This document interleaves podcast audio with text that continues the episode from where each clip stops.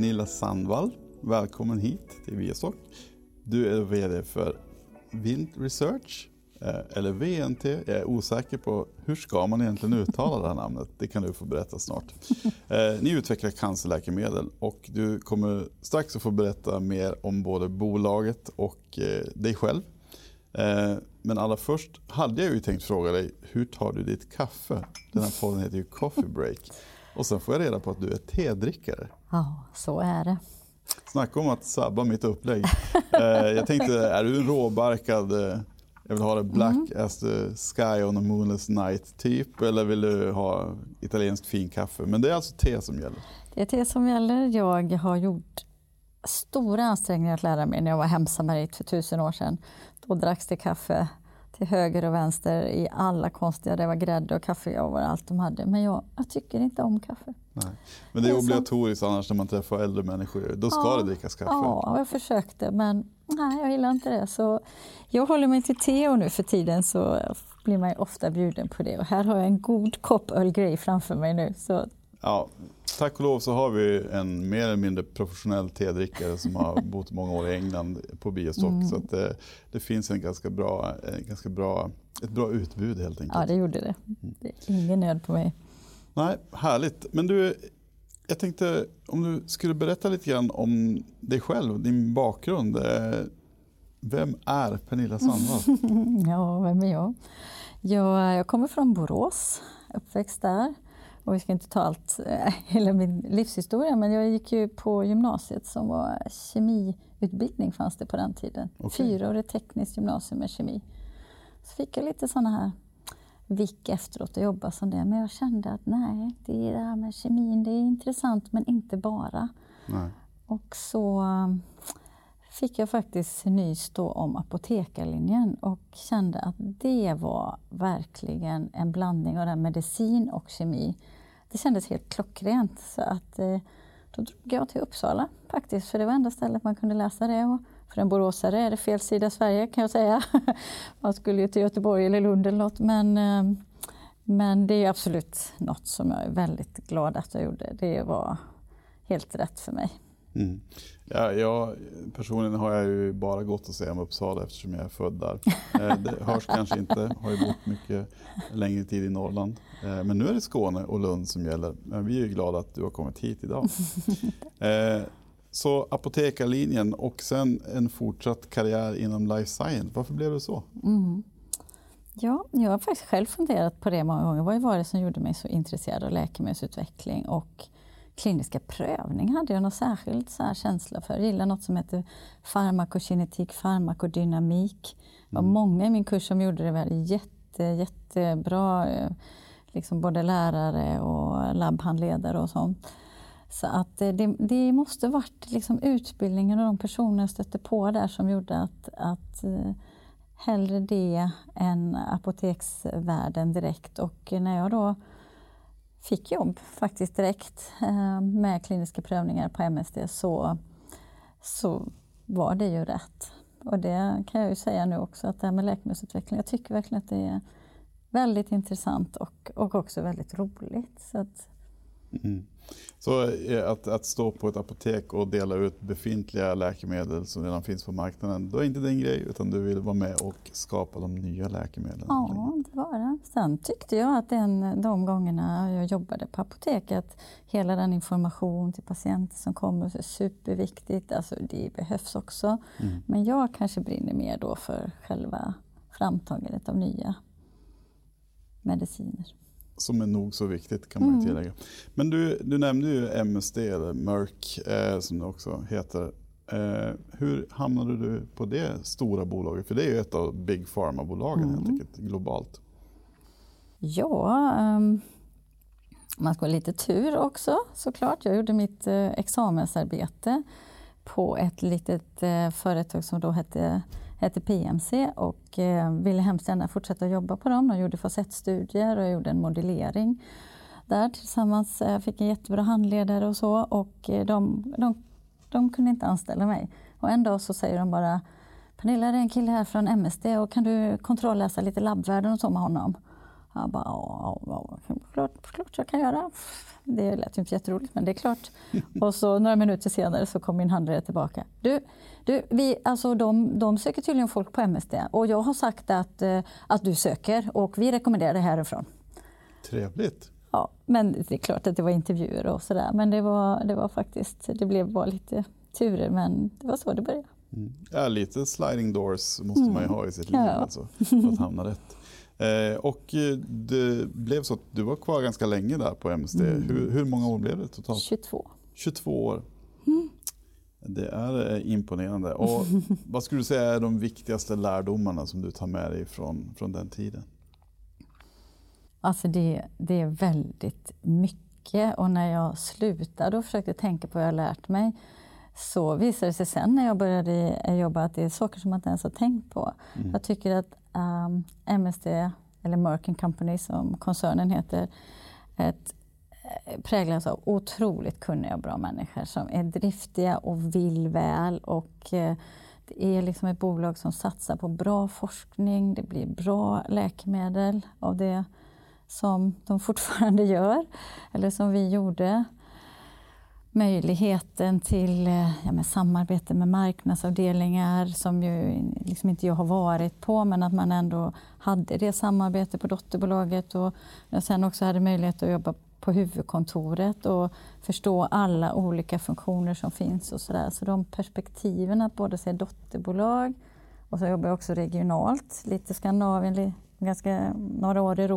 Europa också. Mm. Och huvudkontoret då, det är väldigt, väldigt värdefullt. Och man, det var också ett, ett, globalt företag. Jag hade de sista åren kollegor, vi satt i alla världsdelar. Det är också intressant. Vi satt så här som pandemin har tvingat oss att göra, men det gjorde vi ju redan då. Ja, och då huvudkontoret, det var i USA då? Förlåt, ja just det. Det var New Jersey, ligger det i. Mm. Mm. Spännande. Att, eh, då åkte vi dit hade, min man fick tjänstledigt från sitt jobb och så var barnen ganska små, två killar, så då flyttade vi dit i två år.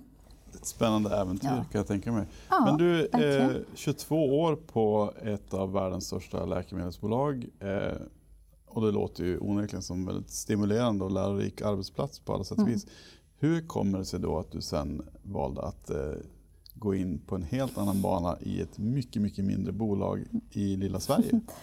ja, det blev ändå så, trots att jag verkligen tycker att MSD är ett bra bolag, så på något sätt så blir det så här Ja, men gud, nu har jag varit här i 20 år och, och någon grej tyckte jag kanske inte var lika bra eller rolig längre och så där. Och så inser jag att jag kan ju inte heller ändra på saker och ting i det här stora bolaget och det kanske är dags för något nytt. Och då började jag fundera på att ja, men tänk och undra hur det är på ett litet svenskt bolag Mm. Istället för att gå till något annat stort läkemedelsbolag, för det är väl ungefär samma.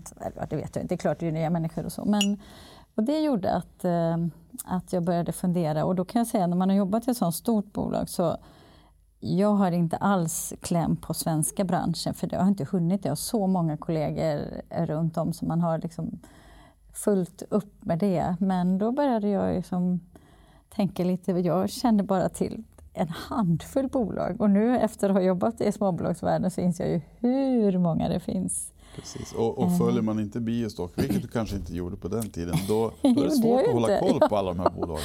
Ja, ja, det är det. Jag tycker det är fascinerande hur många fina bolag vi har. Mm. Och du landade alltså på ett sånt här litet bolag, eh, Index mm. Pharmaceuticals, mm. Eh, som ju finns kvar fortfarande även om du inte är kvar där just nu. Eh, vad skulle du säga är den största skillnaden då? Jag förstår att det finns massor med skillnader mm. men den absolut mest utmärkande skillnaden mellan ett jättebolag som MSD och ett litet bolag som Index? Ja, jag hade tänkt en hel del på det innan och det, det, var, just, det var faktiskt det som också var den stora skillnaden att det finns ju inte inte liksom massa extra resurser på ett litet bolag. På ett stort bolag så det, kommer upp en frågeställning. Det finns alltid någon som jobbat med det eller jobbar med det eller någon grupp någonstans i världen som håller på med det. Mm. Man kan alltid, alltid få information internt. Och det kan man ju inte på ett litet bolag såklart. Liksom tio anställda och, och, och jätteduktiga personer och duktiga nyckelkonsulter och så. Men Men då, då fick man ju börja bygga sitt eh, nätverk externt. Och jag, jag måste säga om det är några av alla branschkollegor här som lyssnar på, på mig så måste jag tacka för alla goda råd jag har fått genom åren. Det är, folk är väldigt generösa tycker jag. Sen kan man ju inte ge konfidentiell information såklart. Men, men hur man ska göra något eller gå inte den där fällan eller ja, men vad det nu kan vara. Så, det, det, så det, det tycker jag nog var den största skillnaden. För sen tänker jag också, visst i, i förhållandet jätteliten organisation mm. på, på index. Men när du jobbar i ett stort bolag, då tillhörde jag en grupp och där var vi ju 15 pers. Mm. Och då jobbar man ju jättemycket i den gruppen hela tiden. Så att, alltså, vissa grejer är ju samma. Mm. Alltså ledarskap, eh, tydlighet, eh, mål. Alltså alla sådana där grejer är ju likadana egentligen när man tänker efter. Så att eh, resurserna är nog det, det som naturligtvis är den stora skillnaden, både vad gäller personer och pengar. Ja, och det, kan man ju, det kan man ju definitivt eh, eh sakna, i, speciellt mm. i dessa tider.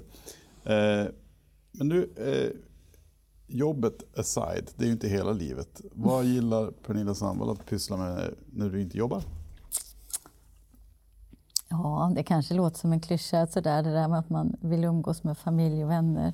Men det ger mig väldigt, väldigt mycket. Det är faktiskt eh, det viktigaste. Jag får energi av bra människor. Så här, laga god mat tillsammans. Gärna dansa hela natten lång när, de, när det blir tillfälle till det. Ehm, jag ehm, tycker det är kul att träna och jag, och jag förstår också vikten av att träna så det gör jag regelbundet sådär och springer, det är praktiskt.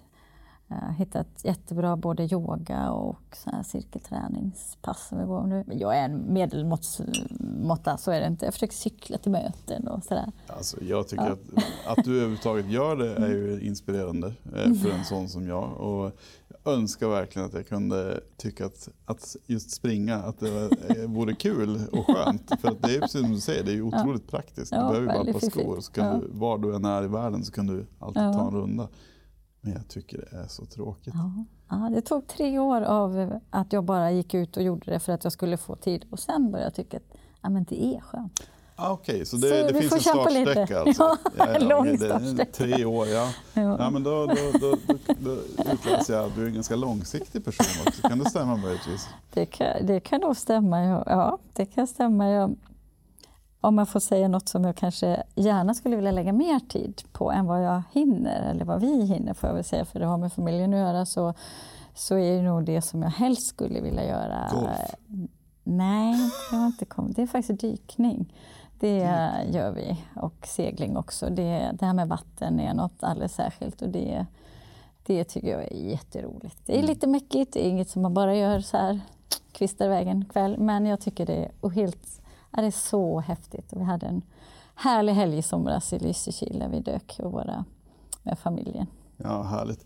Ja, jag har faktiskt dykcert också. Mm. Eh, tog det, väl, det är väl en, 20 år sedan nu. Och mm. Jag har heller inte dykt sedan dess. Men Nej. det är ju otroligt härligt. Men det är ju, ja nu skojar jag och sa golf, men det är, det är ju samma sak där. Tidsfaktorn är ju verkligen en faktor i, när, när det gäller ja. sådana intressen. Det är, mm. Som du säger, man hastar inte iväg och dyker en kvart. Nej, är, nej. Då får man springa en runda ja, istället. Ja. Men man kan fundera på det, man kan titta på bilder, man kan planera nästa dyktillfälle och sådär. Så man kan ju suga på den här karamellen ett tag och sådär. Och, och nu, nu, när det är så att vi, hela familjen dyker så är det ju också en, liksom så roligt att göra det tillsammans.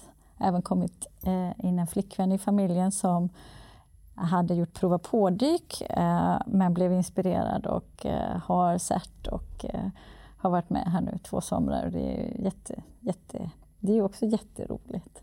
Ja, men perfekt sätt att umgås med familjen. Det blir mm. inga kontroverser för det är rätt svårt nej. att gräla under vatten. ja, det är klart att man skulle kunna göra det. Nej, men vi, nej det blir inte det. Så här, vi hade en incidens med en båt här när vi var ute i somras och det slutade med att min man fick sitta med motorn mellan knäna. Det var någon styrslang, något gick sönder i motorn så den bara snurrade runt båten. Och, eh, han fick sitta med, med motorn mellan knäna och titta akterut. Och ena sonen fick sitta med ratt och gasreglaget. Och eh, den här instruktören som var med, hon var bara what, vad händer? Ja, det låter Men vi en, löste det som galant. det låter som en scen ur, Göta kanal, allra minst alltså. Ja, det var faktiskt, ja. Men du, eh, det här med långsiktighet och en sen, eh, Mm. du är ju nu på Vint Research och Mm. har varit VD för det bolaget i ungefär ett år, drygt ett år. Mm, lite mer ja. Maj. Ja. Eh, hur tycker du att det här första året med bolaget har varit? Det har varit ja, otroligt både roligt och lärorikt. Och samtidigt eh, spännande. Så här. Mm. Mm.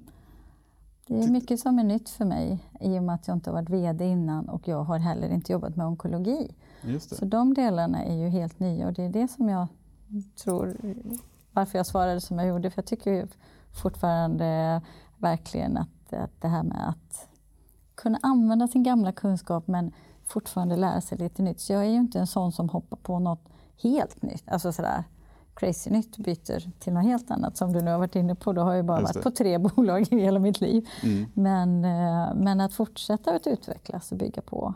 Så det, nej, det har varit, men det har också varit ett jobbigt år. Mm. Och du nämnde då att eh, onkologi är det bolaget sysslar med eh, nyutvecklat cancerläkemedel som är tänkt att hämma mm, att tumörer sprider sig och s- metastaser skapas. Då. Och Mm. Varför är det så viktigt att hindra det? Ja, det är, det är en av de stora dödsorsakerna är ju att man inte får bukt med cancern utan den faktiskt sprider sig. Så om man initialt kan eh, hålla, hålla det i schack så är det ju ändå så att vi vill ju fortsätta att vara fria från vår cancer. Och det är svårt. Mm. Det är väldigt många som dör. Just det. Så det är själva, sjukdom. de, här, de här metastaserna är alltså eh, ofta själva dödsorsaken när det gäller cancer. Alltså. Det beror ju på vilken tumörform det är och sådär. Det, ja. Och, eh, det här bolaget, ni inriktar er initialt i alla fall mot tjocktarmscancer. Mm. Just, eh, hur, eh, hur behandlas det idag i man säger, be- befintliga behandlingar? Ja, det beror lite på när man upptäcker sjukdomen. Så man kan ju ha tur och upptäcka den väldigt tidigt. Eh, Nu har vi ju infört screening även i Sverige. Det har genomförts i hela EU nu de sista fem åren. Just. Eh, Och i vissa länder då screenar man ju med, faktiskt med, när man gör en sån tarmundersökning. I Sverige är det, när jag tror alla har fyllt 60 så får man nu för att se om man har blod i avföringen. Hittar man då sin, men hittar man sin tumör tidigt och den inte har spritt sig så opererar man bort den helt enkelt. Mm. Tar omkringliggande vävnad eh, och eh, en, en bit av tarmen och Just så det. Mm. kopplar man ihop tarmen igen. Och kan fungera som Ja. vanligt sen efter Ja, det då, i Det bästa kan vara fall. besvärligt för en patient såklart men vad, jag, vad jag förstår så, så kommer det, det, det funkar. Det Ja. görs eh, vanligt. Och sen så kan man ha kommit då när man får sin diagnos så kan man ha kommit ha en tumör som är lite mer avancerad och då indelas det in i stadie 1, 2, 3 och 4. Mm. Och de stadierna beror på hur tumören har börjat sprida sig.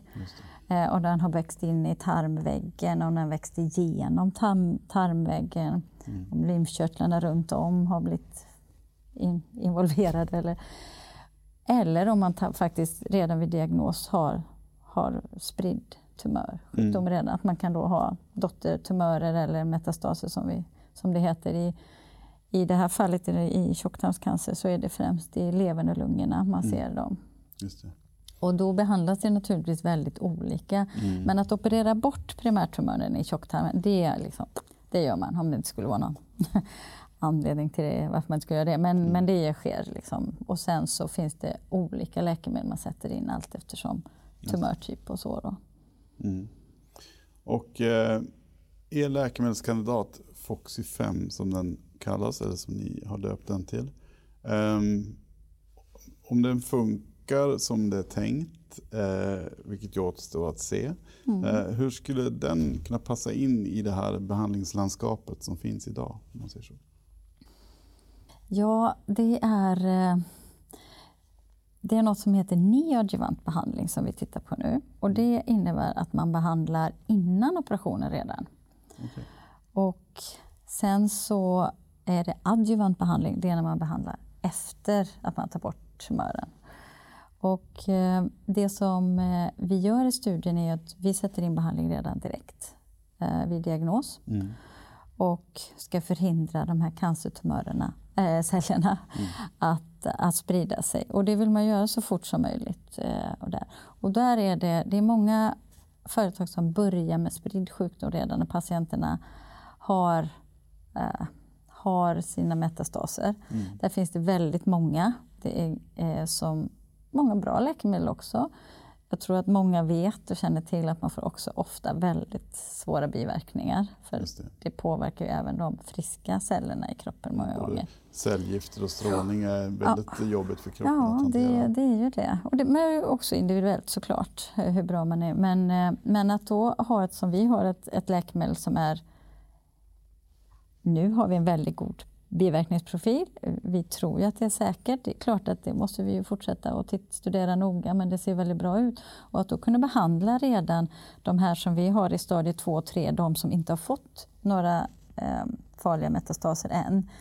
Eh, det måste ju ett, ett sånt läkemedel vara säkert för annars så är man ju inte beredd att ta det. De patienterna mår, ga- mår ganska bra. Klart att man blir orolig när man får en diagnos. Men de är fortfarande inte så allmänpåverkad av det. Det. Eh, Så jag- tror att det finns en, en väldigt, eh, väldigt stort behov faktiskt för ett effektivt och säkert läkemedel trots att det finns så mycket annat. Eh, och många, många kan ju, kan ju också kom, man kombinerar ju ofta eftersom det är olika verkningsmekanismer med olika läkemedel Mm. så tänker man ju sig också att man kan kombinera. Så att det finns ju sånt som talar för att vi skulle mycket väl kunna kombineras med de andra även då i metastaserad sjukdom. Men vi måste ju börja fokusera någonstans. Vi, vi är ett sånt litet bolag så att det går inte att, att titta på alla de här patient, möjliga patientpopulationerna eller andra indikationer. Du sa ju just vi, vi fokuserar nu på tjocktarmscancer men, Just det. men Ja, det kan ja, ni, ni, ni, ni har så att säga då kanske indikationer på att den här Foxy5 skulle eventuellt kunna fungera även i andra typer av cancerformer. Ja, vi har sådana indikationer precis. Men vi har ju inte, eh, vi har ju inte gjort någon undersökning på det på patienter. Nej. Så det är eh, first steps first. Ja, ja det är så. Det är, Ja. alltså, det, är ju, det är ju det som är med ett litet bolag. Det gäller att man eh, fokuserar på det man tror på och håller den linjen faktiskt. För att det är lätt att kanske... Man är ju så entusiastisk. Det finns ju så många goda idéer och man ska kunna på det och man ska kunna på det. Men eh, det finns en begränsad påse pengar och, och tiden är också ett faktum. Så att det är viktigt att man liksom gör en sak bra än många saker halvbra. Så är det ju. Mm. Eh, och eh, där eh, har ju ni då så att säga genomgått den här första kliniska fas 1-prövningen. Eh, Mm. det, det är väl fler än en till och med. Två stycken faktiskt. Två stycken, ja. och, och just nu så befinner sig läkemedelskandidaten i fas 2 som man säger. Där man Mm. kollar på säkerhet i ett större patientantal. Mm. Om jag inte är ute och cyklar nu. Eh, man kan ju också kolla effekt redan Precis. där. Mm. Eh, Det ska man göra. och ni, hade ju, eh, ni gjorde lite spännande fynd där i er studie redan Mm. förra året. Eh, skulle du kunna berätta lite kort om det? Mm, mm. Det, var, det var tanken med eh, studien och eh, hur, som vi har varit inne på, hur FOXY5 fungerar, är ju att man ska förhindra metastaser. Eh, och eh, då har vi lagt in liksom mätperioder i studien och, och i vårt fall var det efter två år vi ska titta och då var det en läkare som gjorde min kollega uppmärksam på att vid operation där så såg han förändringar på den här tumören och sa att det här är, det här har jag aldrig sett innan. Det är alltså FOXY5 gör något. Okej. Och eh, min kollega är ju mycket erfaren, eh, många år på AstraZeneca och sett mycket, även småbolag. Och eh, det var ju ingenting som hon bara sa, åh vad kul, tack. Utan var, va, vad säger du? Och så började hon ju fråga honom mer och sen så började vi ta in den här informationen från andra patienter också. Och då var det ju alltså att mäta redan, att se effekt redan vid operation. Det. Och då har ju patienterna, du frågar innan de behandlar patienterna och jag svarar kanske inte på det men mer än att operationen den görs inom en månad alltså. Så det är ju, Det är snabba ryck. ja, man vill få bort tumören. Så, um, och då i djurstudier så kan man ju ha, då opererar man inte bort en tumör, då kan man ju se effekt. Och effekten kommer ju snabbare i djurstudier, de lever ju kortare Mm. tid än vad vi gör. Mm. Eh, så att det var ingen som hade trott att vi skulle se något vid operation helt enkelt. Eh, utan det var verkligen att vi, vi måste titta på metastaserna som en på ett återfall och död och så. Och det, det måste man absolut göra när man gör läkemedelsutveckling. Det, för att få godkänt som läkemedel som inom en, en tumör eller cancerform så måste du absolut visa det. Men som ett första steg måste man ju inte ha det. Utan då, det här är ju en proof of concept-studie och alltid varit. Så att nu ska vi ju visa att vi har effekt i människa. Mm. Eh, och, eh, då är det att, att göra sådana här observationer. I läkemedelsutveckling så är de intressanta, det är jättebra. Eh, men om du frågar Läkemedelsverket och alla läkemedelsverk i, i världen, EMA och FDA som det europeiska och amerikanska heter. Så, och även om du tittar på liksom andra läkemedelsföretag så är det så att det är superintressant men gör man en studie så måste man ha bestämt i förväg vad man ska mm. göra. Annars så räknas det faktiskt inte. Du kan inte komma på nya grejer under studiens gång och säga att vi lägger till det här? Jo, man kan Eller? det. För ja. det är det vi gjorde. För vi insåg ju att ah, vi ser något vid operation. Så då bestämde vi oss för att ändra studien. Eh, man, det kallas som ett amendment, ett tillägg till protokollet eller en förändring, justering vad man nu kallar det. Och så får man skicka in det till Läkemedelsverket och Etikprövningsnämnden och säga på grund av de här fynden och naturligtvis i vårt fall Eh, och den här insikten vi har kommit till så vill vi nu göra studien på det här sättet. Vi vill mäta vid de här sakerna, vi vill göra de här undersökningarna. Och så skickar man in det och så får man då vänta på att få det godkänt förhoppningsvis. Och det var ju faktiskt det vi fick i somras. Ni fick det godkänt? det var, ja, ni höll tummarna och det funkade ja, hela vägen? Ja, och vi har flest kliniker i Spanien och därför ville vi börja med Spanien. För att om de inte hade sagt ja, vi var ett fåtal kliniker i Ungern, för där studien går i Spanien och Ungern, då vet jag inte riktigt. Ja, då, alltså då hade vi fått ha, då hade vi ett annan idé om hur man skulle ha det. Men, men nu var ju Spanien, eh, vi har ju allra flest kliniker där, det är de också som har tagit in flest patienter. Så, och den spanska, både centrala etikprövningsnämnden och Läkemedelsverket sa ja. Och jag ska säga, du har varit inne på att jag har jobbat länge nu.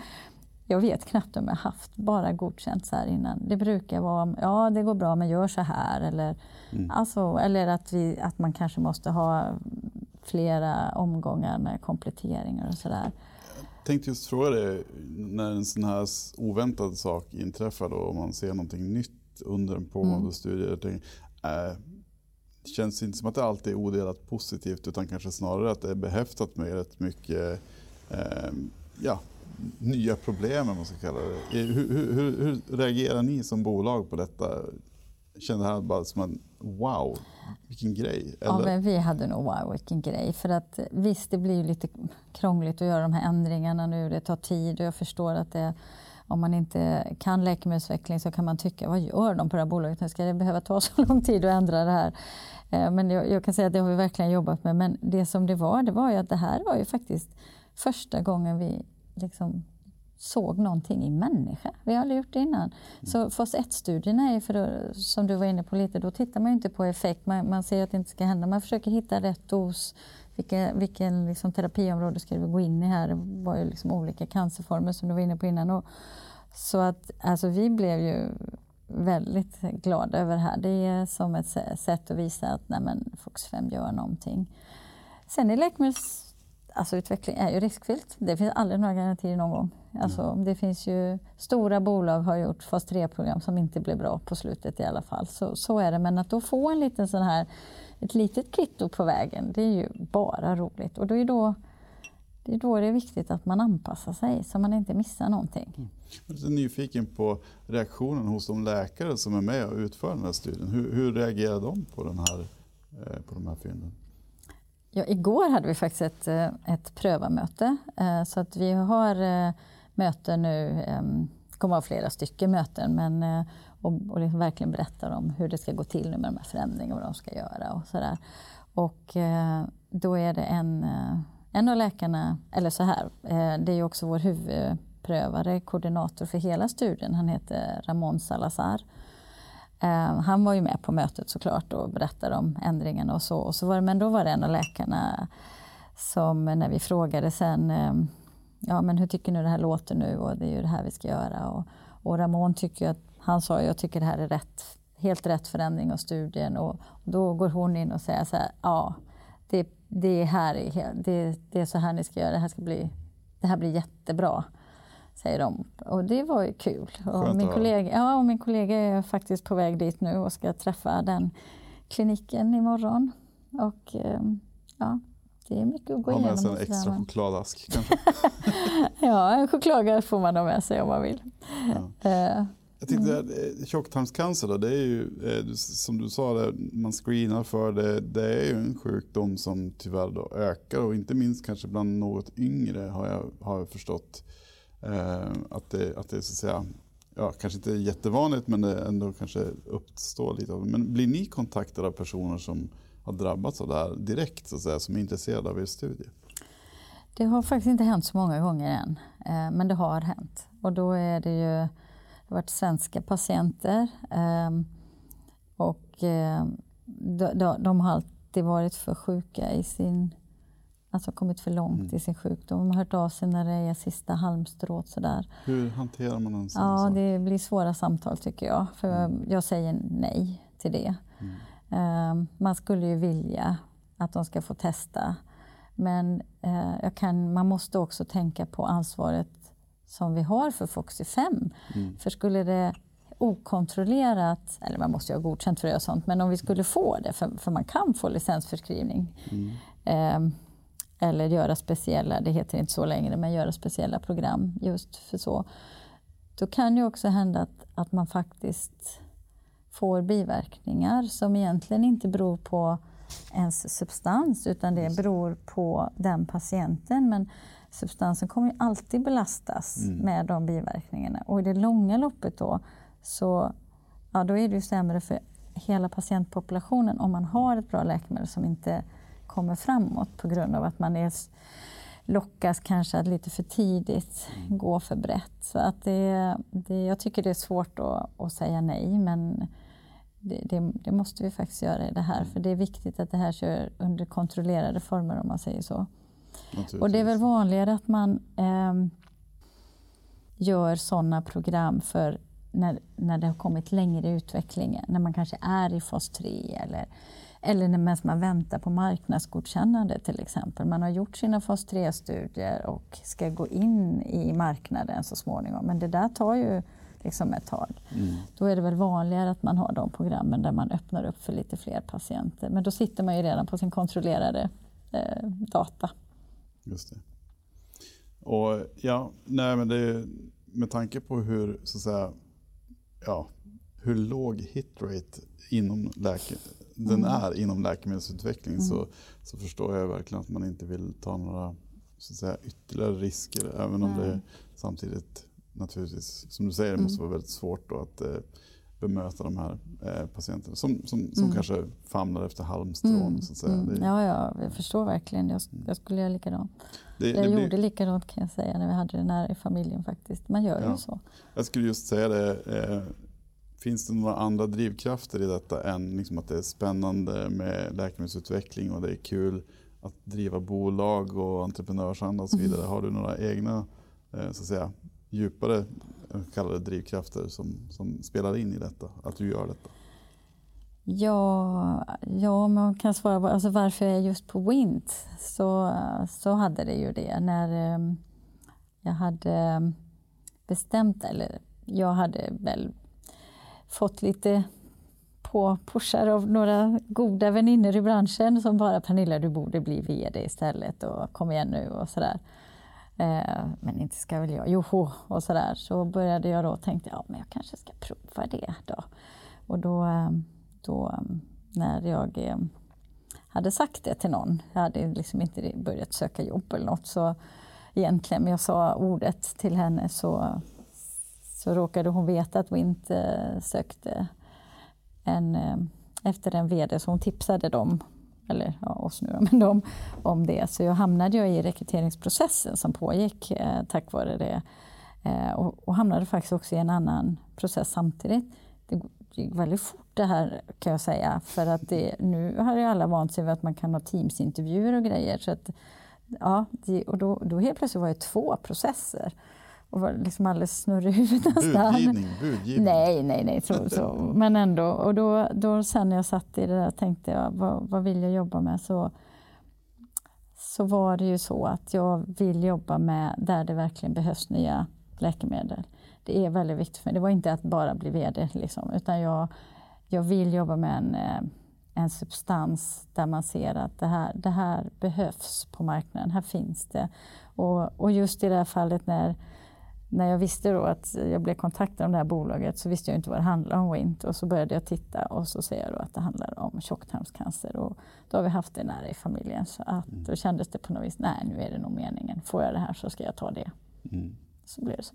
Ja, ja det, det, är spännande Nej, det var faktiskt konstigt. Hur, hur livet kan fungera ja. ibland. Eh, men nu när du har varit med bolaget då i drygt ett år och lärt dig eh, naturligtvis eh, en massa om, om, om läkemedelskandidaten och så vidare. Hur ser du på den generella potentialen för Wint Research? Personligen? Ja, och, och då gjorde jag ju redan innan jag, när jag tackade ja till det här jobbet, då, då gick jag ju till, som jag har sagt här nu, till mina branschkollegor och några som jag vet är väldigt kunniga inom onkologi och bad att de tittade. Skulle titta på FOX5 också och, och verkningsmekanismen och sådär. Du gjorde en due diligence? Ja, i den mån, alltså på publikmaterial fick, var det ju såklart. Men, mm. Eh, men eh, då är det ju att, eh, att det här behövs ju. Jag tror ju att det här kan bli något väldigt bra. För det är, cancer är komplicerad, otroligt komplicerad mekanism och det är inte bara en Alltså vi säger ju cancer, men det är väldigt, väldigt många olika verkningsmekanismer. Så att, så att Foxy5, Foxy5 ska kunna få plats här, det, det är jag helt övertygad om. Ja. Och, eh, om man tänker på just det här att, att metastaser är ett sånt eh, otroligt stort problem i, ja, i alla solida tumörformer mm. i alla fall. Mm. Eh, och ni har ett läkemedel som har potential och som har visat någon form av effekt i människan. Ni är väl ute och träffar eh, andra bolag eh, på olika. BD-konferenser och så vidare. Eh, ja, inte minst absolut. Biostock Life Science Summit naturligtvis. Eh, ja. hur, hur, ser intresset ut från eh, till exempel då lite större bolag eh, när ni berättar om vad ni håller på med? Ja, men det är som jag säger, all, alla tycker att de här observationerna är jätte, alltså, intressant. Vi har fått mycket nu kan ju inte jag jämföra så mycket med hur det var innan eftersom jag var så pass nytillträdd. Men vad jag förstår också så var det mycket eh, ljumnare innan man har Nu har vi någonting. Så alla vill ju se, alla vill se datan och så man får tillfälle att presentera den. Det varierade väldigt mycket. En del är ju som jag var inne på att eh, vi vill se den riktiga studieresultaten. Mm. En del bolag tycker så. Eh, och en del andra förstår ju också att om det här blir riktigt bra så kommer vi inte ha råd sen utan då är man lite mer, liksom, då är man lite mer riskbenägen. Det. Eh, och det har jag erfarenhet från, från Index var det ju faktiskt precis så att där fick vi ju tre veckor innan vi skulle få resultat så kom ju ett, eh, ett spanskt bolag och eh, skrev kontrakt med oss för att de tänkte att vi kommer inte kunna slåss med de stora drakarna men det här är bra. Så, här. Så, att, eh, så det finns alla typer. Alltså det finns väldigt olika, och bolag har olika strategier, de har olika hål i sina ja, man brukar säga pipeline. Liksom, var behöver de? Vi behöver en fas 2-kandidat mm. nu här. Och så. Så, så, man får verkligen också lyssna med vad de här parterna är ute efter. För det är olika. Det är inte bara, eh, det är inte bara forskningen och verkningsmekanismer som spelar in i det här stora spelet när man ska få en partner. Det är strategi också. Mycket. Mm. Men du, man, eh, man lockas ju att tänka att du då med din bakgrund på MSD eh, har lite polare som sitter kvar på det bolaget som du skulle kunna slå en signal till och säga att Vet ni vad? Vet ni vad? Ja, ja absolut. Här. Uh, ja, alltså, man kan ju ta initiala kontakter så, och det har vi ju eh, om man tittar på oss, även om vi har varit inne på hur litet bolag vi är så har vi ju en väldigt erfaret gäng både i ledningen och i styrelsen. Och alla har ju sådana här kontakter som jag har. Eh, I princip allihopa. Så vi drar ju alla de trådarna som klart. Men det är ju de initiala kontakterna man kan göra så. Sen gör ju alla bolag ordentliga genomgångar om man ska titta. Så att, men, mm. men man kanske kommer igenom första dörren mycket lättare. Mm. När man knackar på. Ja, och, Eller tvärtom, liksom också. någon kan ju få höra om en. Vad jobbar Pernilla med nu? Så, Eller, så att det går ju åt båda håll. Förhoppningsvis har man bara hört gott. Men, men du, om, man, om man då eh, tänker på det du sa här om eh, att eh, jag hade en jättebra fråga på lut som jag nu totalt glömde bort. Eh, men det gör ingenting, den kommer nog tillbaka. okay. eh, men det är just det här med, som du, som du nämnde, eh, det här med att man i vissa fall så kanske bolag vill eh, vänta, de vill de-riska de hela mm. grejen och se mm. att ja, men vi ska se att vi har data och de har musklerna. Att liksom, mm. Är det någonting bra då plockar vi upp det bara.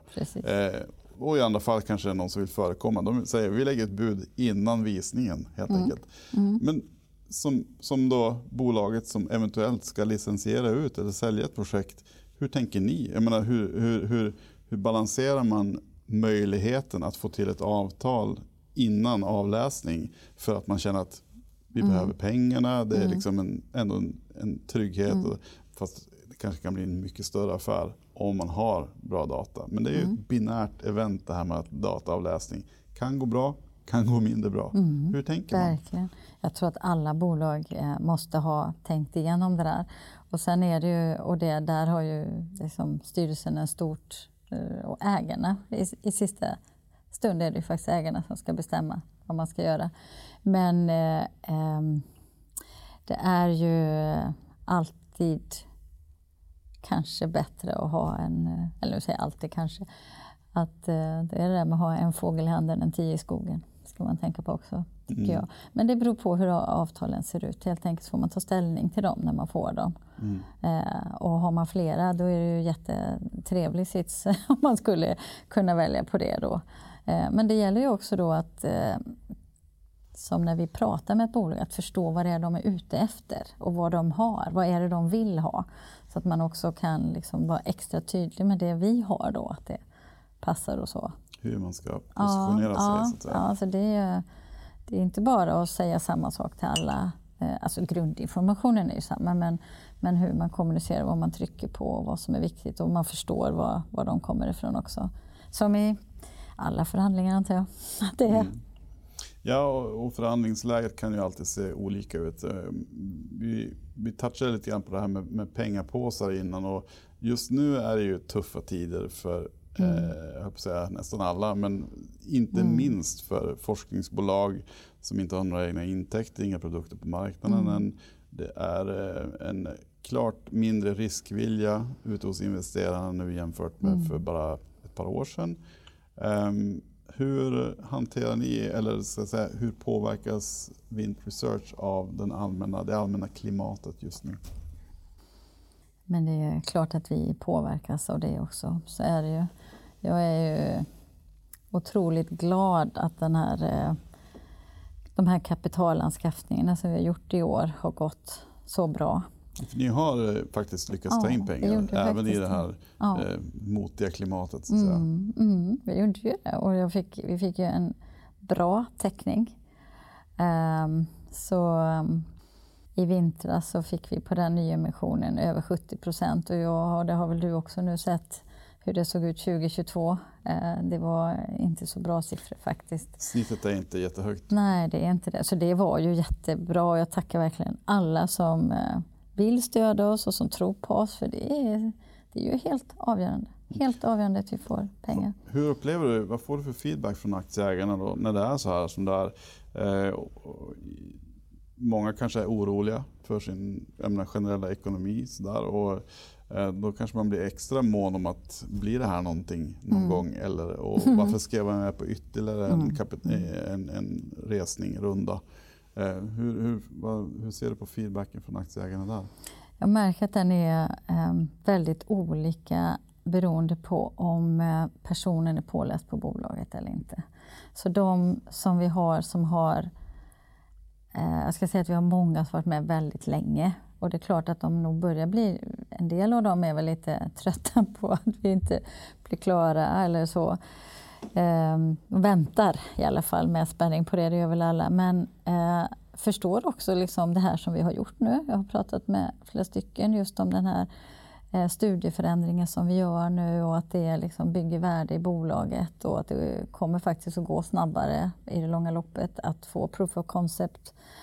Eh, men det är klart de som är sådana här som kanske spekulerar lite kortsiktigt och är det som man kanske i dagligt tal kallar daytraders. Eh, de är ju upprörda och tycker jag är jättedålig och, och borde sluta när som helst. Och, så här, och, och liksom de, ja, de kanske egentligen inte vet vad de investerar i. Ibland blir jag förvånad när jag får mycket frågor. Jag får ganska mycket mejl. Mm. Eh, om man märker sån skillnad på hur insatt man är i bolaget eller inte. Mm. Finns det inte en viss korrelation där i, i hur pass lite man faktiskt kan eller hur pass kortsiktig man är med hur mycket man faktiskt hörs? Jag tror det, och den är omvänd. Just det, det är så. Ja. Men det, ja, där har ni ändå, ett, ni har upplevt att ni har ett, ett ganska starkt stöd från många av era befintliga aktieägare. Ja, verkligen. Och det är ju superviktigt, mm. inte minst i dessa tider. Ja. Eh, nu råkar det ju vara så att ni har också en så kallad teknisk option som är aktuell just nu. Mm. Eh, som då egentligen är ja, berättigad. Om man har teckningsoptioner så har man rätten att köpa eh, aktier till ett förutbestämt pris. Och det priset har vi satts alldeles nyligen här. Mm. Um, om man tittar på där ni står nu och vad ni är på väg emot och så vidare. Vad, vad skulle du säga till en aktieägare som står i valet och kvalet som kanske känner att det känns jobbigt att uh, använda de pengar jag faktiskt har för att lägga in dem och, och köpa fler aktier när jag inte riktigt vet. Vad, vad, ska man, hur ska man se på det där tycker du? Som ja, man, alltså varje person måste ju själv bestämma hur man fördelar sina ägg i korgen eller hur man uttrycker sig där. Eh, men eh, om man är en långsiktig investerare och det ska man nog vara om man är i life science så att vi nu har, har sett de här ad hoc-observationerna, att vi ändrar studien som vi gör. Alltså det är många bra signaler som gör att jag, jag verkligen hoppas att många kommer att vilja fortsätta att stödja oss. För det, visst, det tar ett litet tag till men det är ju inte jättelångt borta nu om man ser till läkemedelsutvecklingstidsramar. Nej, det, det, är ju en lång, lång eh, mm. resa kan man säga. Eh, och det är klart att man inte kanske vill snubbla på mållinjen just. Eh, men eh, om man ser ni har många aktieägare som har varit med länge. Mycket mm. skin in the game som man brukar säga. Och, och, hos ledningen själva, då, ni implementerade, implementerade ett instrumentsprogram här i, i somras. Kan du berätta lite grann om mm. bakgrunden till det? Ja, det, det, var på initiativ av en av ägarna faktiskt. Det är ju ganska vanligt i många bolag att man har incitamentsprogram. Eh, och vårat är inte liksom konstigare än något annat skulle jag säga. Så, så eh, styrelsen fick ju ett förslag för dem och styrelsen gav ett förslag till oss i ledningen. Och eh, då gick ju vi med i det i stort. Mm. Och tanken är ju att man på det sättet ska få en långsiktighet att, att man är villig att stanna länge och eh, det är ju tre år på, på de här flesta programmen är ju sådana. Man är så att säga eh. inlåst inom citationstecken i tre år? Ja, ja. ja, ja men det, det blir man ju. Men jag skulle också säga att det, det drivs man också av. Men man måste säga både det jag har sett av mina medarbetare och, och som jag är själv så, så är det ju lika viktigt att projektet går bra och att det är det som, som liksom tar oss framåt. Sen att det hägrar ett incitamentsprogram, det är ju en, en morot som dinglar där såklart. Men det är också viktigt att, att, liksom vi, att vi når alla målen i studien och så här, för det är ju också ett sätt att driva framåt. Mm. Det är både, båda delar som behövs. Det kan bli lite trevlig icing on the cake om det skulle vara så.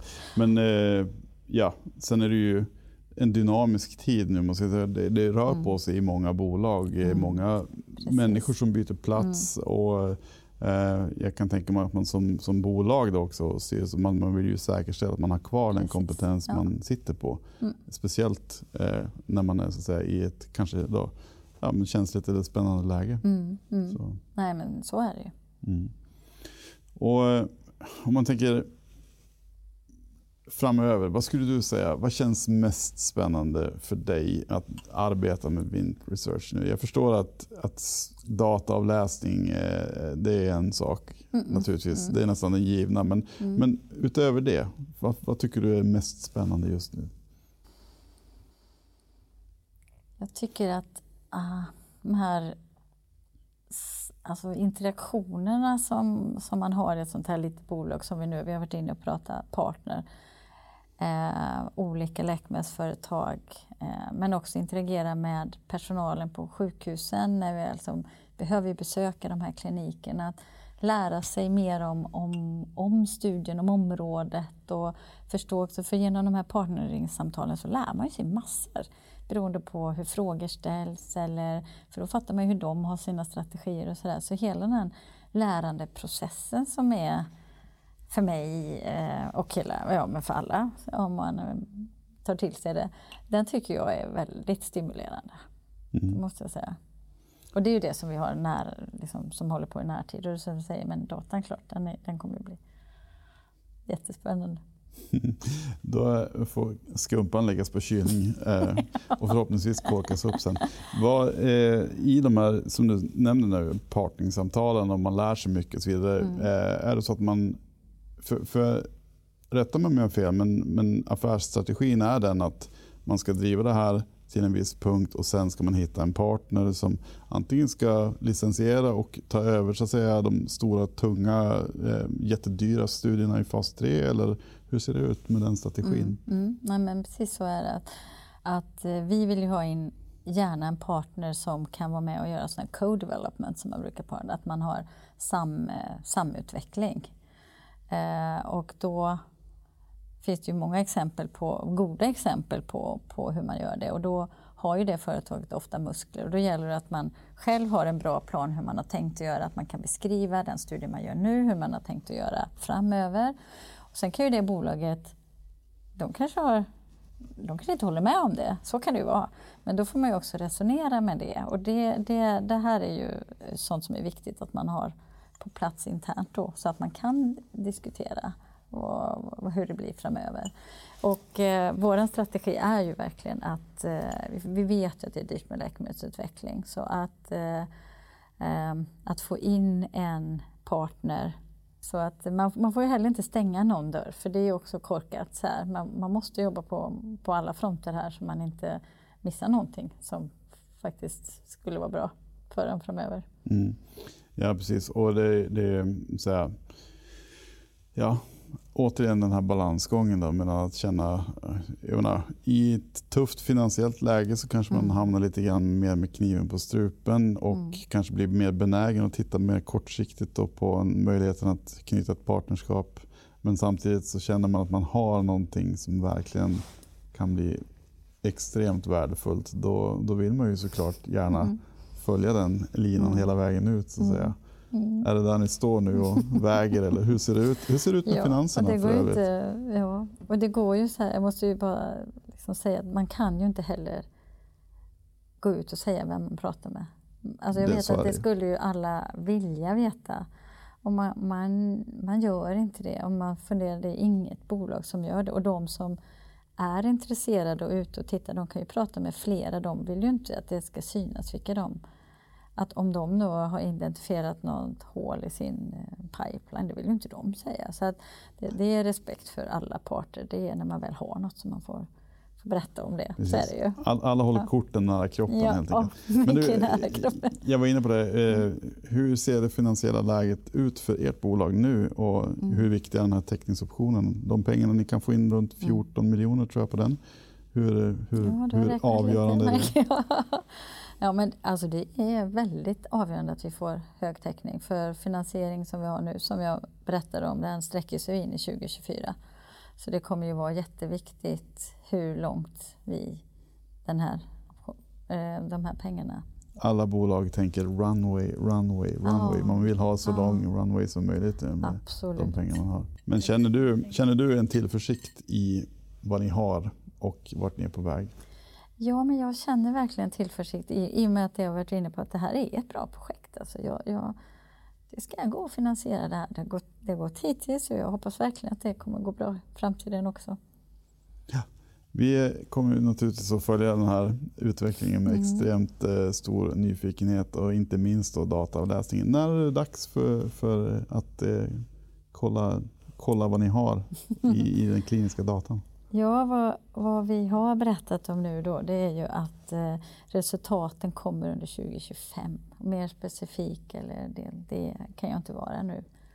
Mycket kan hända på vägen naturligtvis mm. med mm. tidsram och så. Vi hoppas att det inte dyker upp någon ny pandemi i alla fall. Nej, för allas skull så vill vi inte ha det. Nej, nej. nej verkligen inte. Och vi, vi gör ju allt nu för att studien ska gå, gå, bli klar så fort som möjligt såklart. Och det som jag eh, hoppas verkligen på. Och det, det, är därför jag vill inte heller lova saker som inte vi kan hålla. Men eh, studien, vi vet ju vad vi har tagit in för takt på patienter hittills och eh, det borde ju vara så att nu, har, nu är patienterna kortare med i studien. Vi har också sett att vi har någon observation som man kanske är lite mer intresserad av att vara med. Och, så jag tycker det finns goda skäl att tro att, att eh, vi ska ha en högre rekryteringstakt än vi har haft nu. Men, uh, men då återstår att se, mm. såklart. Knock on wood. Mm, det är det där. Det är det där. Mm. mm. Pernilla, jättestort tack mm. för att du ville komma hit och prata med oss idag. Eh, och jag önskar er naturligtvis all lycka till för er skull och era investerares skull men inte minst för alla patienters skull. Tack så jättemycket.